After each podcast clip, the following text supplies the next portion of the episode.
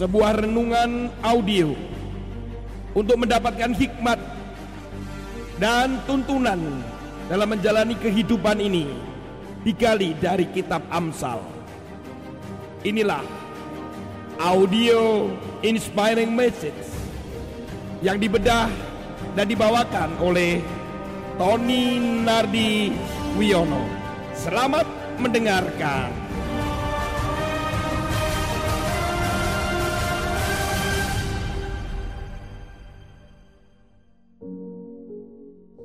Shalom Bapak Ibu sekalian, haleluya. Bagaimana kabarnya? Luar biasa dan selalu semangat ya. Kita akan merenungkan firman Tuhan hari ini yang terambil di dalam Amsal pasal yang ke-14 ayat yang ke-7. Firman Tuhan berkata demikian. Jauhilah orang bebal karena pengetahuan tidak kau dapati dari bibirnya. Ayat ini mengatakan bahwa kita harus menjauhi, punya keberanian untuk menjauhi mungkin adalah teman, sahabat, atau komunitas yang memang di dalamnya itu adalah orang-orang yang tidak mau diajar. Bebal itu berbicara tentang orang yang keras kepala, orang yang nggak mau diajar, orang yang merasa dirinya paling hebat sehingga tidak mau dan sulit sekali belajar. Di dalam dunia psikologi dan komunikasi pada tahun 1995 ada istilah toxic people Artinya orang-orang yang membawa racun atau meracuni. Sehingga muncullah istilah toxic relationship atau hubungan yang beracun gitu ya. Jadi namanya toxic relationship. Itu dikenal sejak tahun 1995 yang dimunculkan oleh seorang psikolog bernama Dr. Lilian Glass. Dia adalah orang Amerika dan dia menulis sebuah buku memang judulnya Toxic People. Nah, di situ ada istilah toxic relationship. Glass menyebutkan bahwa toxic relationship itu adalah hubungan yang sifatnya merusak karena konflik, hubungan yang tidak saling mendukung, munculnya persaingan yang tidak sehat, sampai hilangnya rasa hormat dan kekompakan dia menyebut begitu ya. Saudara, saya jadi ingat ketika saya mengajar ada satu mahasiswa saya melakukan sebuah penelitian. Di mana penelitian itu sampelnya itu adalah anak-anak SMA yang pacaran begitu.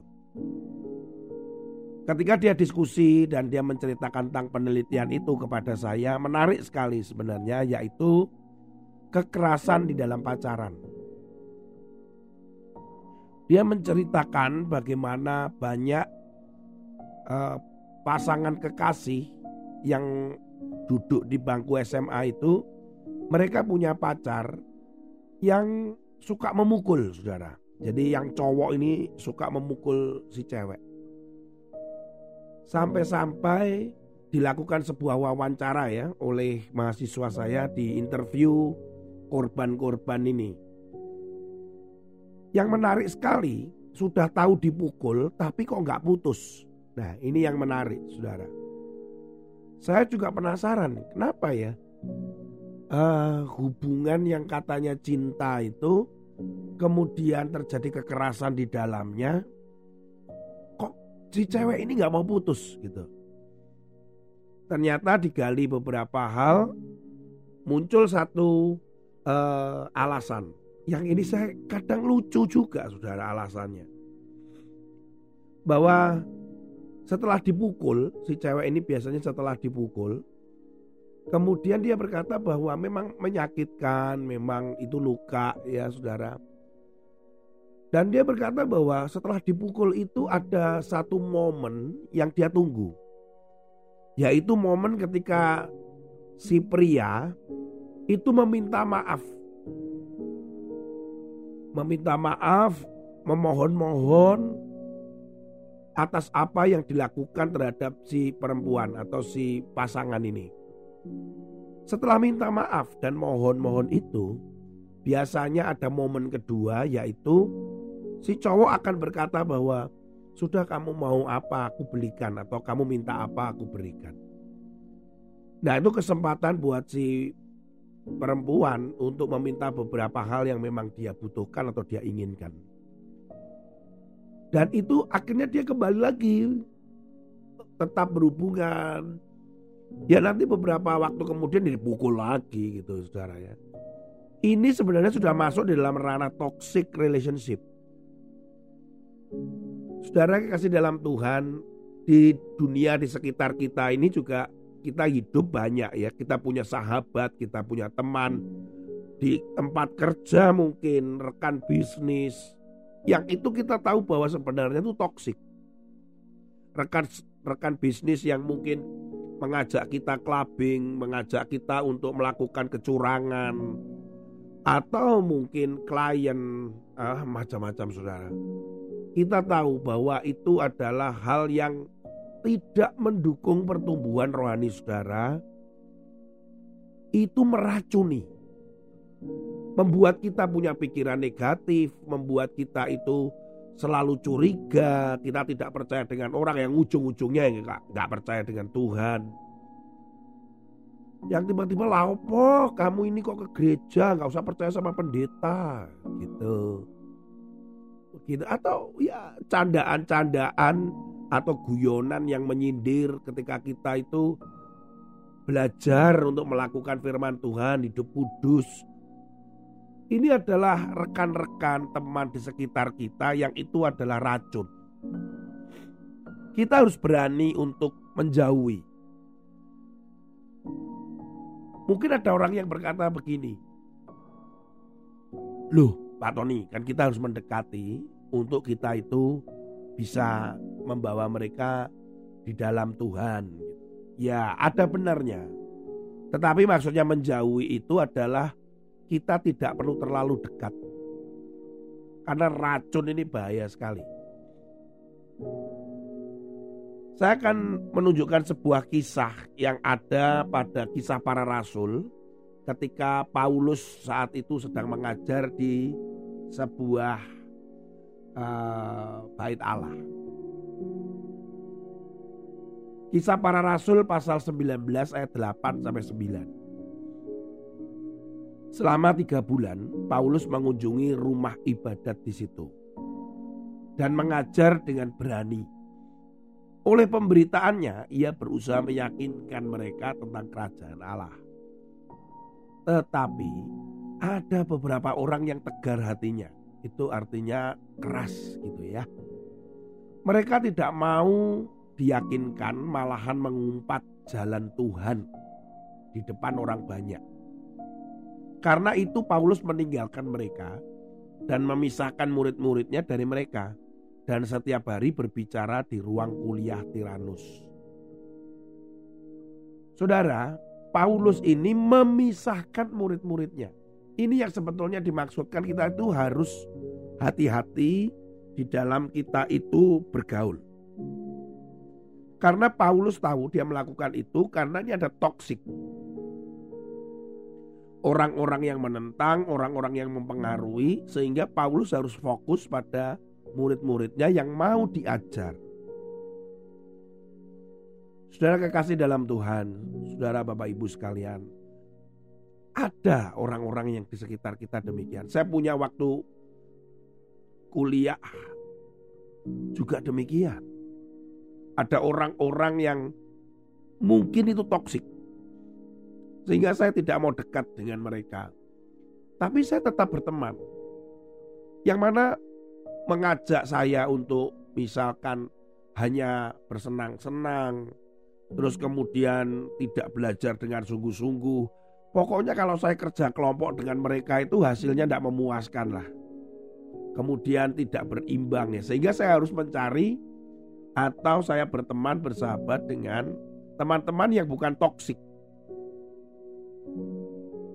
Waktu SMP saya juga demikian.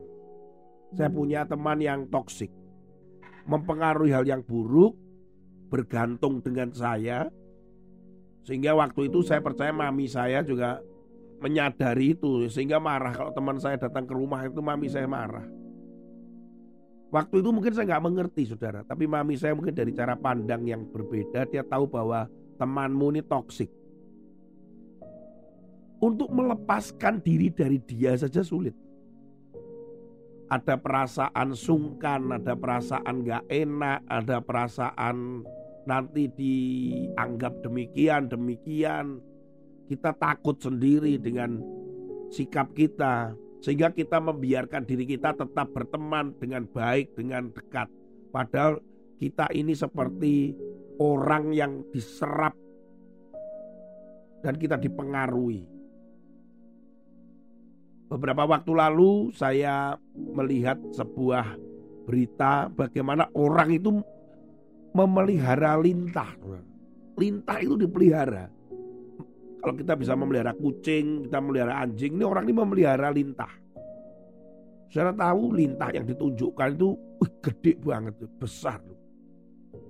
Dan dia membiarkan dirinya setiap hari itu darahnya disedot oleh lintah itu ditunjukkan di dalam klip itu bagaimana lintah itu menyedot bagian tangannya sebelah kiri. Itu terus kemudian di situ ada bercak-bercak juga. Ternyata lintah itu diizinkan untuk mengambil darah daripada si tuannya. Yaitu ya orang ini yang karena memelihara lintahan saudara. Disedotin terus. Dan itu dilakukan ketika si tuannya ini sedang tidur. Nah ini toksik ini. Orang memelihara kucing, orang memelihara anjing, ini memelihara lintah. Di sekitar kita mungkin saja, bahkan mungkin ada di dalam gereja. Itu orang-orang yang mengatakan dirinya juga orang percaya. Kita harus berani mengambil keputusan untuk menjauhi. Dikatakan firman Tuhan, jauhilah orang bebar karena di situ nggak ada pengetahuan, di bibirnya nggak ada pengetahuan, nggak ada sesuatu pun yang bisa membangun saudara. Mari kita dengan berani singkirkan rasa sungkan, singkirkan rasa gak enak lah dan sebagainya. Tapi kita akan melihat bahwa kita tetap berdoa untuk orang-orang itu. Kita tetap saja memiliki satu hubungan pertemanan masih. Tapi jangan sampai terlalu dekat karena itu bisa meracuni saudara. Toxic relationship. Kita harus menyadari itu. Semoga saudara memahami tentang toxic relationship ini dengan dewasa. Bukan berarti kita harus menjauhi itu artinya kita tidak berdoa untuk mereka atau mungkin kita tidak memberitakan firman Tuhan kepada mereka atau kabar keselamatan itu bukan ya, bukan. Tapi tidak dekat itu yang penting dan kita tahu. Paulus karena juga melakukan hal yang sama. Ini toxic Tuhan Yesus memberkati saudara dan tetap semangat dan selalu memiliki hubungan yang baik dengan Tuhan. Tuhan bukan Tuhan yang toksik, dia Tuhan yang uh, memberikan kesegaran, memberikan satu harapan, kekuatan, kasihnya yang kuat. Itulah hubungan yang sehat, healthy relationship. Berhubunganlah dengan Tuhan, berhubunganlah dengan orang-orang yang saudara tahu bahwa cara hidupnya sehat, kemudian perkataannya, perbuatannya di sekitar saudara. Tuhan Yesus memberkati dan sampai ketemu pada episode berikutnya. Haleluya. Amin. Bapakku datang